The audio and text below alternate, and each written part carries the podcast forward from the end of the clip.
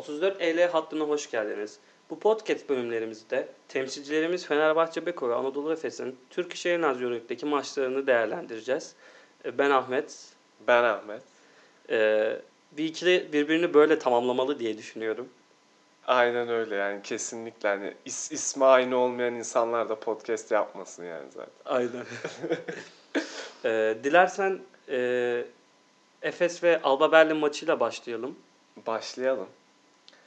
Ama yani o maçtan başlayıp nereye varırız pek bilemiyorum. Çünkü Anadolu Efes'in prototip maçlarından biriydi. Yani bunu bu sezon neredeyse her maçtan sonra hissettim. Sadece büyük takımlarla olan maçlarında farklı şeyler hissediyoruz. İşte Anadolu Efes'in artık elit bir takım olduğu ve öyle hissettirdiği yönünde. Ama onun haricindeki maçlarda gerçekten Anadolu Efes hep e, farklı oyuncuları, bazen aynı oyuncuları. Bu maçta mesela hani oyuna giren herkes çok net katkı verdi. Hep Anadolu Efes'in iyi olduğunu konuşuyoruz. Sadece nasıl iyi olduğu. Yani bu maç özelinde e, Larkin yoktu. Mitsic'in oyunu sürüklemesiyle birlikte Anadolu Efes bayağı rahat kazandı. E, çünkü Alba Berlin'in biraz savunmasının da çok e, hafif olmasından kaynaklı. Hani çünkü Missi çok rahat yönetti. Yani istediği pasları istediği yere istediği zaman verdi. E, nitekim Muerman içeride çok kolay top aldı. Plyce keza öyle. Hani bu kadar kolay bir nasıl söyleyeyim oyun yönetimine sahip olunca Misic hani 9 top kaybı yaptı bu arada. Hani ona ne diyorsun abi? 9 top kaybı da 35 pır. Yani 9 top kaybıyla 35 verimlilik yapmak da yani herhalde e, bu kalitede bu kadar çok top kaybını yapacak Euroleague'de herhalde yani Mitsic vardır. Belki Mike James bu kadar e, hem oyunu bu kadar iyi sürükleyip hem de bir yerden bazı şeyleri yanlış yapabiliyor. Ya o durumdan Mitsic hani e, 9 top kaybı yaptığından hani istatistiklere bakan maçı izlememiş biri yani şey kötü düşünebilir ama maçı izledikten sonra hani e, Mitsic'in yaptığı belki 9 top kaybını hani bu adam nerede top kaybetti ya Aynen. gibi düşünebilir. Kesinlikle hani izlerken hiç hissettirmedi. Yani ben maç esnasında birkaç top kaybı aklımda kalmıştı ama 9'u görünce şok oldum yani. E, maçtan sonra böyle bir istatistiklere bakayım derken. E, ve bir de şöyle bir şey var. Hani e, 9 top kaybının göze batmamasının nedeni yani neredeyse her ucumu o yönetti. Ve o kadar takımı oynattı ve o kadar zorlamadı ki. Hani o yüzden göze batmadı. Yani çok güzel bir maç çıkardı Anadolu Efes. Hani Larkin'siz bir maç daha kazanıldı. Senin tabirine çok uyan bir maçtı aslında. Prototip bir maçtı Anadolu Efes'in e, deplasman maçlarından. Ama e, farklı bir durum vardı sanki rakip açısından. Alba Berlin e, daha farklı bir tarzda oynuyor. Çok agresif bir yapıları var. E, özellikle e, ligin ikinci devresinden itibaren Alba Berlin'in daha hızlanan, daha tempolu basketbolu. En azından koç bunu oturtmuş gözüküyor. Efes'e e, ilk başlarda yani ters demeyeyim de e, alışmadığı sayıları biraz yedi. Yani Ya aslında bazı şöyle. hücumlar oluyor. Alba Alba Berlin böyle sinirleniyor Efes sayı atınca. Direkt koşup hani fast break değil sayı yiyip direkt hani sayı atmaya gidiyorlar hiç seti düşünmeden. E, bu agresiflikte bir takımdı. Zaten Alba Berlin'in aslında hep özünde bu var sezonun başından beri. Hani e, çünkü kadronun yetenek potansiyeli açısından çok tavanı yüksek olmadığı için e, bir yerde bunu tempoyla e, aşmaya çalışıyorlar. Tempoyla aşamadıkları anlarda da zaten topsuz hareketlilikleri hiç fena değil ama e, takım halinde şut atabildikleri için böyle sürekli katlar yap, katlar yapıyorlar. Topsuz hareketliliği iyi, iyi tutuyorlar falan. Ama ya bu maçta şöyle bir şey vardı. Efes'in aslında ben afalladığını düşünmüyorum. Efes zaten bu maçın e, rahat olacağını biliyordu. Evet. Ve bir anlamda da şeydi hani o rahatlıkla o şeylere izin verdi. İkinci çeyrekte zaten bir geri dönüş şeyi oldu böyle. Alba skoru yakaladı falan. Ama yani Efes e, bu konuda klasik yani. Üçüncü çeyrekte böyle devre arası konuşuluyor. Üçüncü Evet. çeyrek çıkılıyor. Oynanıyor ve maç koparılıyor yani. Hani böyle acaba mı acaba mı falan diye düşündürtmüyor pek. Evet siz çok oynadınız. Yeter biz hani darbeyi vuralım. Çok eğlendiniz. Tamam Aynen, evinizde aynen. güldük eğlendik dağılalım beyler bit- tarzı bir. Bitti yani bu kadar Aynen falan öyle. yani. Hani Evet. o, o açıdan çok şeydi yani rahat bir maçtı. Efes de bunu biliyordu. İlk yarıda da biliyordu yani. Çünkü Alba skoru yakaladığında bile açıkçası beni korkutmadı izlerken. Çünkü kontrolün hala Efes'te olacağını bil, biliyordum yani. Efes e, Muayerman'a da süre verecek e, bunu başardı yani. 25 dakika oynadı Muayerman. evet. E, Onun hakkında ne demek istersin? Yani Muayerman süreleri hep artı artı geliyordu ama herhalde e, döndükten sonra en keskin performansı buydu. Kesinlikle yani açık ara en iyi maçını çıkardı döndükten sonra. Hani o da yavaş yavaş ısınıyor. Ya ama dediğim gibi Alba'nın uzunları da çok e, rahat e, konfor alanı verdi Plyce Muayerman'a. da keza çok alan buldu. Aynen öyle. Hani Muerman çok rahat alan bulunca da doğal olarak bitirdi yani. Sadece pozisyonları bitirmek kaldı. Birçok pozisyonda Elinin yaptığı şey buydu. görmek güzel. Aynen. Hani o o güzel. Zaten 25 dakikayı çıkarabilmesi olsun ama hala bana şeyi hissettiriyor. Böyle temposu ve fizikselliği yüksek olan maçlarda hala Muerman defekt yaratacak yani Anadolu Efes için. Öyle hi- hissettiriyor. Zaten şu an hani sezonun gidişatından ötürü işte Muerman'ın geç dönmesi, Peterson durumu falan. Singleton zaten ana dört numara şu anda takımda. Hani bunun da bozulmasına gerek yok. Çünkü en formda oyuncu o. O pozisyonda. Ya Muerman'ın sadece atıyorum haftaya çok önemli bir Maccabi maçı var deplasmanda. Hani e, burada atıyorum Muerman'ın 7-8 dakika oynayıp belki 15 dakika oynayıp ama önemli olan orada 7-8 dakika oynuyorsa bile e, hani keskin bir şey geçirmesi lazım. Dönem geçirmesi lazım maç içinde ki böyle e, bir katkısını hissettirsin takıma.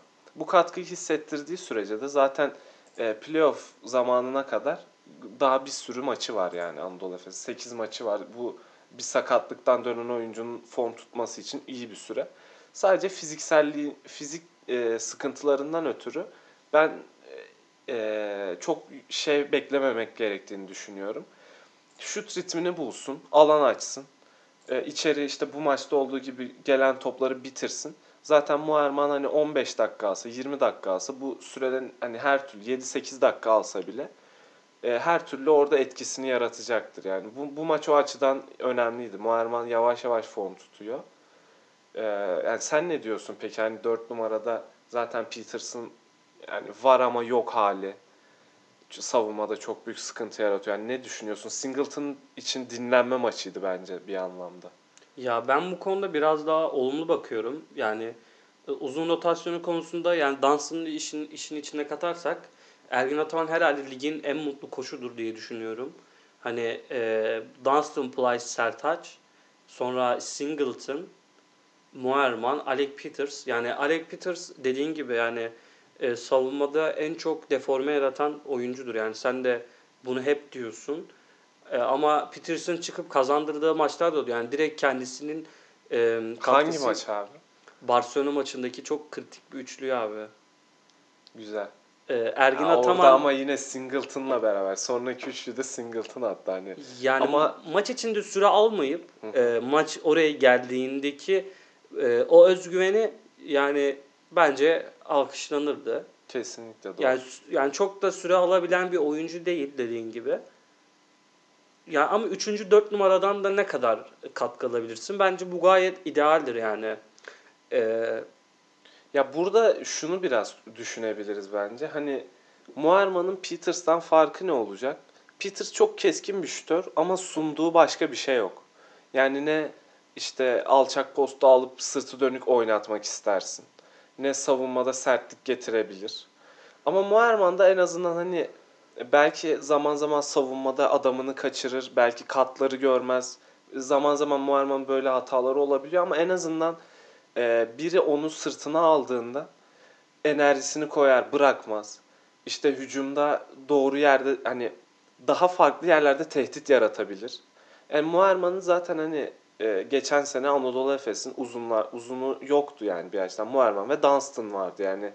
Diğer oyuncuları böyle e, şey sayamıyorduk. İşte rotasyonda çok iyi. İşte Motum ve Plyce'ı geçen sezon şey sayamıyorduk böyle. Hani tehdit sayamıyorduk ama bu sezon tehdit sayabileceğimiz birçok unsur var. Plyce'ın e, sezonu çok iyi geçirmesi, Sertaç'ın bir dönem çok yükselmesi, şu anda da hani şöyle böyle giden performansı olsun. E, o yüzden yani şu anda Muerman'dan, Peters'tan beklentiler farklı. evet. Şu anda da e, Muerman'ın bu maçki performansı bir açıdan o beklentileri bence karşılayacak boyuttaydı. Yani daha fazlasını beklememek lazım bence. Ya aslında güzel bir yere değindin. Hani Peters çok keskin bir şutör ve size sunduğu başka bir şey yok diye. Yani Moerman sakatlıktan ilk döndüğünde bile e, oyuna aldığı zaman yani hiçbir şey yapmıyor ama içeride durduğu bile hani rakip hücum düşünüyor ki burası dolu abi biz buraya giremeyiz. Yani duruşundan ve pozisyon alışından hani her ne kadar e, adam kaçırsa da ya ilk yerleşimde yani Moerman'ın o büyük gözükmesi bile e, yani fiziksel gücüne bağlıyorum bunu. Ki Peters'tan hiçbir şey yapmasa bile daha farklı gözüküyor. Tabii ki Moerman Peterson Peterson e, çok daha önündedir. Yani Ergin Kesinlikle. kafasında da çünkü geçen sene e, neler yaptığını biliyoruz Moerman'ın. Aynen öyle. E, diyerekten e, dilersen Valencia Fenerbahçe maçına geçelim. Çok kritik bir maçtı. E, Fenerbahçe'nin kaybedip hani işi daha da e, kötüye sürükleyeceğini düşünenler vardı ama oyun Kim- anlamında abi? değildi. Kim düşünüyordu bunu? Bunlar Abi- kimler? Böyle hep bir konuşuyoruz ya. Bunlar kimler abi? Abi çok zor yani. Çok zor maç dendi. Hani içeride yani Real Madrid maçındaki kötü Ya oyun. ben hani bunlar kimler derken şunu söylüyorum. Biraz e, Valencia güzel bir sezon geçiriyor. Hani beklentilerin üstüne çıktı bu sezon. Hı hı. Ee, niye bu soruyu sordum? Çünkü Valencia'nın abi hani maçta gördük. Hani aslında çok dirençli, çok e, yük, yani tamam yüksek tempoda oynuyorlar ama dirençli bir takım değiller. evet. Hani o yüzden aslında bu maçta ben Fenerbahçe'yi favori görüyordum. Yani o yüzden böyle bir çıktım ama tabii yine de zor olacağı aşikardı ki zaman zaman geri dönüşlerle olsun işte maçı tam yani koparamadı zaten Fenerbahçe. Sadece bir 15'e çıktı 91-76 oldu fark. Zaten onda en, en sonunda 8, 10'a 2'lik bir fark yedi. Seri yedi. Yani bilmiyorum ben yine de Fenerbahçe'nin favori olarak çıktığını düşünüyordum zaten. bu maça. sen öyle düşünüyorsun. Ya aslında bu maçta hani e, zor maç olmasının sebebi Valencia'nın yani çok aman aman bir takım olmasından değil de hani Fenerbahçe'nin yani ne yapacağı belli değil. Bizi yine e, Evet. Yani güven vermiyor. Bir güven o- vermemesinden dolayı. Evet doğru. Hani Fenerbahçe zaten bu sezon onu bir türlü kıramıyor. Hani e, zaten şu saatten sonra kimse Fenerbahçe'den acayip işte herkesi vursun, kırsın, şampiyon olsun falan beklemiyordur herhalde. Ki hani olur mu? Olabilir ama şu ana kadar izlediklerimiz olmayacağını gösteriyor. Niye net konuşamıyorum şu anda? Çünkü sağ solu belli olmuyor Fenerbahçe'nin bu sezon. Ama baktığımız zaman da genel olarak hep bir istikrarsız hali. İşte sakatlıklardan dolayı hep farklı rotasyonların öne çıkması olsun. İşte en son Malcolm Thomas Nunnally geldi, takım biraz değişti falan. Hani baktığımız zaman Fener hep bir değişim içindeydi ama şu saatten sonra bilmiyorum. Bu Valencia maçını böyle kazanmak da önemliydi ki e, De Colo ve Sulukas'ın hani çok az süre aldığı bir maçtı. O zaman dilersen saha içine geçelim. Ee, Westerman, Naleli, Datome, Malcolm Thomas ve Löwen 5 ile başladı. Hafta içindeki yani Galatasaray maçının verdiği yorgunluğun da tabii ki etkisi vardır ama ya bu 5 ile ilgili neler söylemek istersin? Ya bu 5 şöyle. Aslında hani ben bu 5'in maçı izlerken hani 8 dakika kadar falan oynadılar galiba. 8-9 dakika sahada kaldı bu 5. Ve o sırada yani 17-12 miydi çıkarken? Ee, skor öyle bir şeydi. Hani Fenerbahçe bu 5 ile üstünlüğü yakaladı yani. Maçı e, ilk periyodunu geçirdi. Bir açıdan öyle bir durum var. Hani ben böyle ne bileyim Loven bir, bir iki hata yapar sonra Loven çıkar işte ne bileyim Westerman oyunu yönetemez Sulukas Sulukas'a gider falan diye bekliyordum ama bunları pek şey yapmadı. Periyodun sonuna doğru o noktaya geldi Obradovic. Hani bu beşle başlamak şöyle bir şeydi. Hani Obradovic hep yapıyor zaten. Değişik beşlerle başlıyor. Şimdi de yorgunluktan dolayı öyle yaptı ama ilk periyodu gayet güzel geçirdik bence bu beşle. Sen ne düşünüyorsun? Hani bu beş e, yetersiz görünüyor belki ama gayet fena iş çıkarmadılar bence. Ya belki konuya konudan biraz alakasız olacak ama yani kağıt üstünde bu bence playoff yapabilecek bir 5. Yani e, Bu beş mi? bence bu 5 playoff yapabilecek bir 5. 5 için söylüyorum. Bu beş bu sezon için söylemiyor olmalısın. Bu sezon için değil dediğim gibi tamamen kağıt üstünde. Yani sadece bu- bir şey değil mi? Ee, abi bu 5 yok. Bu 5 asla bir şey yapamaz. Playoff falan. Abi Yani bu 5'i çıkar abi şu anki Kızıl Yıldız gibi fa- hatta Kızıl Yıldız'dan kötü savunma yapar. hı hı. Yani yok abi bu 5'ten playoff çıkmaz. Ama şöyle bir şey var. Bu 5'i atıyorum bu 5'ten 3 oyuncu seç başka bir takıma koy. Başka 2 tane yıldızın yanına koy. Hı hı. O zaman playoff yapabilecek bir takım çıkarırsın ama o zaman yani ne bu olacak çok, benim çok bu iddialı oldu. Fenerbahçe sevdam diyorum. Yani. yani biraz böyle şey mantık çerçevesinde düşünmek lazım bazen. Duygularımıza yeniliyoruz. Zaten Fenerbahçe'de bu sezon herhalde taraftarın en büyük sıkıntısı odur yani. Hani 5 sezondur Final Four yapan bir takım. Bu sezon böyle olduğu için taraftar sürekli bir arada böyle. Hani bu sezondan da bir şey bekliyor bir yandan. Ama kimse kabul etmiyor. Biz de kabul etmiyoruz. Şu anda bu kadro bu sezon için çok şey vaat etmiyor. Başka herhangi bir paralel evrende de bir Yavaş şey bir vaat 5 etmiyor. yani hareketliliği az bir 5 ama Abi bir kere Lovern'i e, şu anda bir Euroleague takımında düşünmek bence pek mantıklı değil. E, şey açısından da kötü bir sezon geçiriyor. Kafa olarak da kötü bir sezon geçiriyor bence Lovern. Hani kesinlikle. e, kötü oynuyor. bir molada da Obradovic'le tartışması yani Obradovic'in dediklerine başı. dayanamayıp tamam benim hatam demesi artık yani Ya aslında Loven yani evet orada şey oluyor böyle. Obradovic işte şunu şunu neden yaptın? Loven açıklıyor böyle.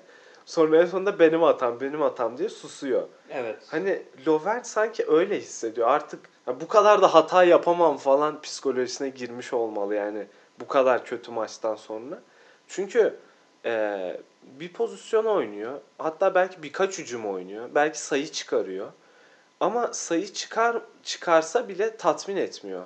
Ki bence Fenerbahçe'nin hani e, alıştırdığı şey bize tatmin etmek. Hani attığı sayıyla Fenerbahçe tatmin eder. Buradan şuna geçelim bu arada. Bence bu maç Fenerbahçe'nin attığı sayıların çoğu tatmin etti yani. E, hücum süresini çok iyi kullandı. Çok ekstra pas döndü yani Evet. tık tıkanmadı. Aynen hani şey olmadı böyle e, ne bileyim gereksiz katlar, gereksiz işte perdeden çıkışlar falan yoktu. Hani hiçbir şey gereksiz değildi. Bir şekilde bir şeye hizmet etti.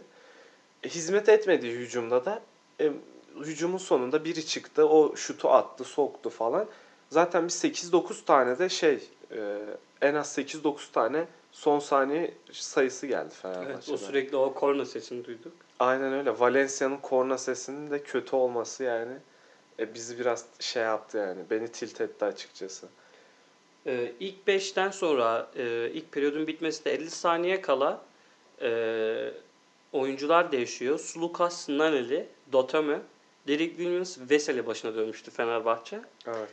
E, hücumda e, Fenerbahçe bir anda o kadar hızlı pas yapmaya başladı ki e, Euroleague spikeri de dedi ki That's the Fener basketball diye. Evet. Hani insanların da artık kafasında oluşmuş bir e, oyun var. Fenerbahçe oyunu.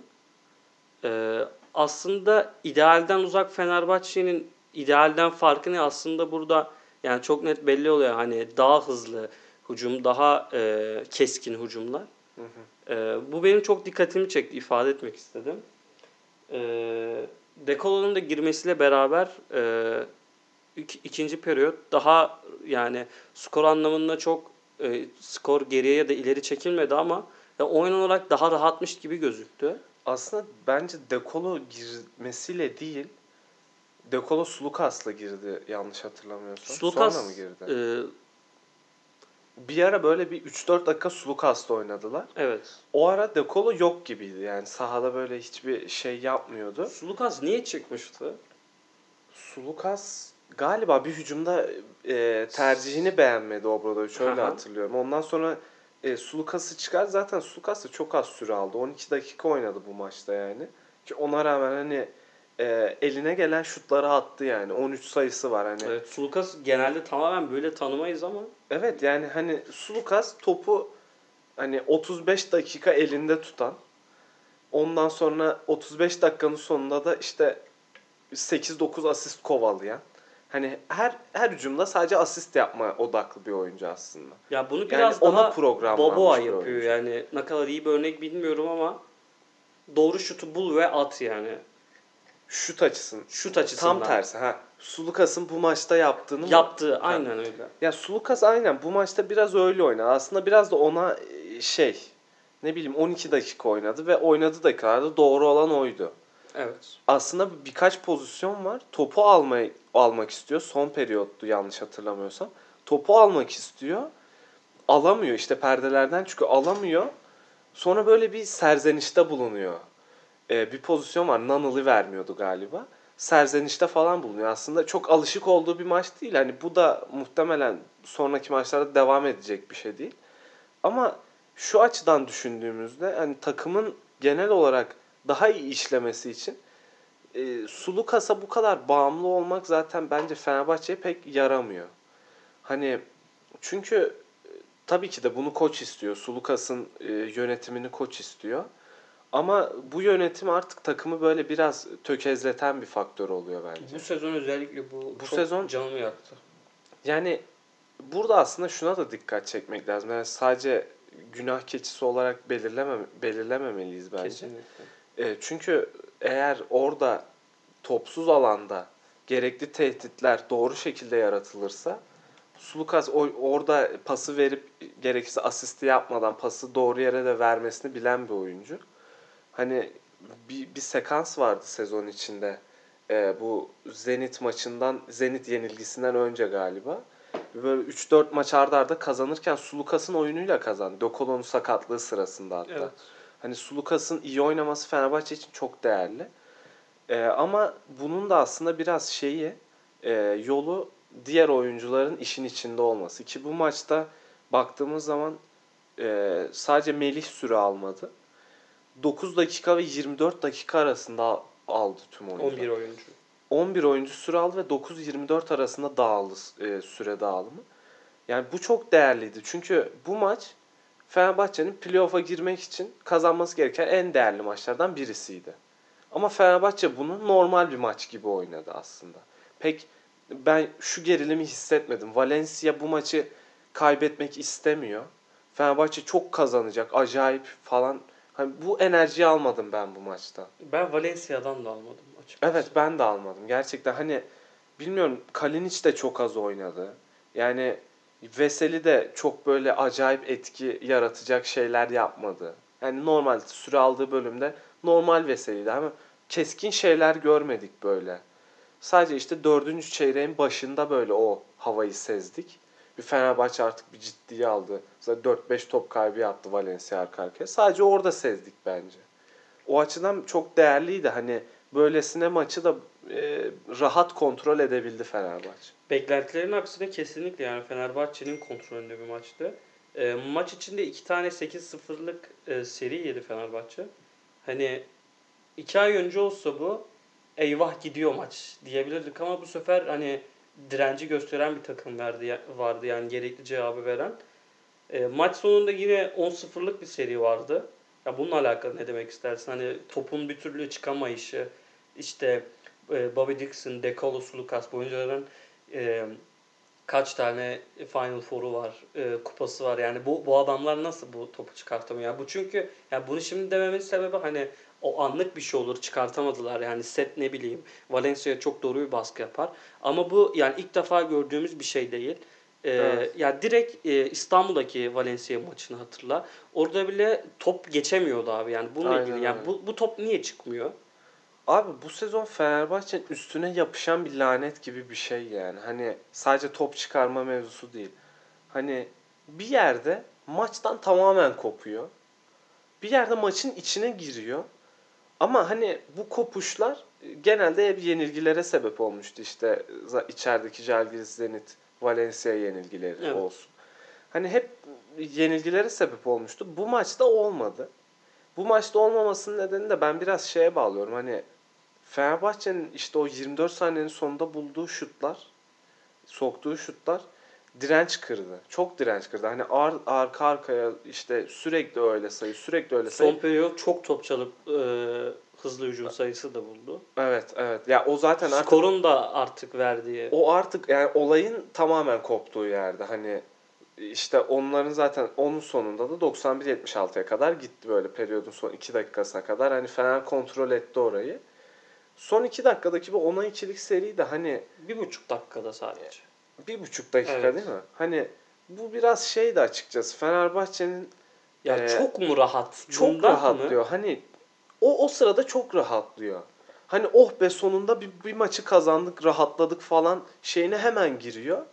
O hani fark ne bileyim 5 sayı daha az olsaydı belki uzatmaya gidecekti. Belki yine kaybedecekti Fenerbahçe. Hani böyle riskler taşıyor ama e, yani ne bileyim Obradoviç de zaten maç sonu röportajında söyledi. Bundan pek memnun değil. E, bunu da nasıl kırabiliriz? Yani arka arkaya artık net net galibiyetlerden sonra kırılabilir. Hani sürekli bunu düşünüyorduk sezon boyunca. Bu arka arkaya net galibiyetler ha geldi ha gelecek işte aa 3 maç kazandık falan diye sürekli söylüyoruz.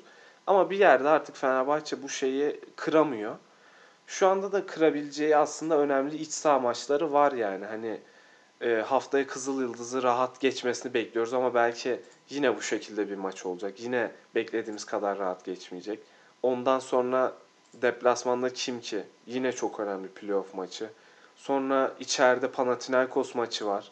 Hani yine çok önemli. Hani bu maçlarda aslında bu e, önümüzdeki 3 maçta Fenerbahçe'nin göstereceği oyun bize net bir fikir verecek ve playoff potasındaki e, ne kadar gü- gücünün ne kadar olduğunu gösterecek.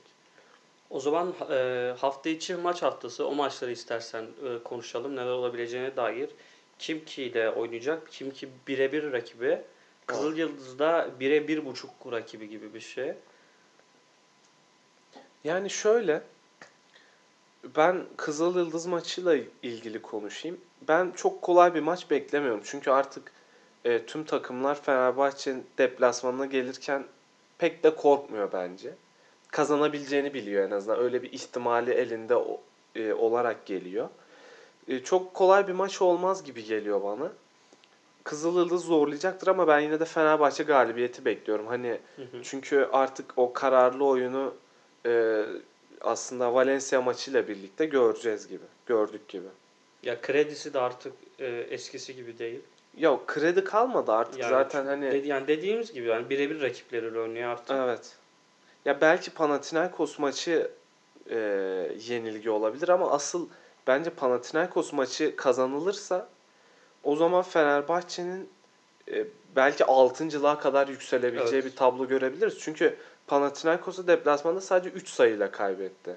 Hani oradan ikili averajı alıp kazanırsa Şahane olur. şahane olur. Yani şu, şöyle düşünelim. Çift maç haftası önce Kızılyıldız ve Kimki maçlarını atlatırsa Fenerbahçe önünde bir hafta olacak Panathinaikos'a hazırlanmak için. Ama önce önemli olan bu iki maçı kazanmak. Çünkü Fenerbahçe hani bu konuda net güven vermiyor hala. Bu iki maçtan sonra Panathinaikos maçına e, çok moralli girebiliriz ama. Be- ya o yüzden ben ümitliyim aslında. Ee, o zaman e, iki temsilcimize de çift maç haftasında başarılar dileyelim. Aynen öyle. Ee, 34 ele hattından e, hepinize iyi haftalar diliyoruz. Hoşçakalın. Hoşçakalın.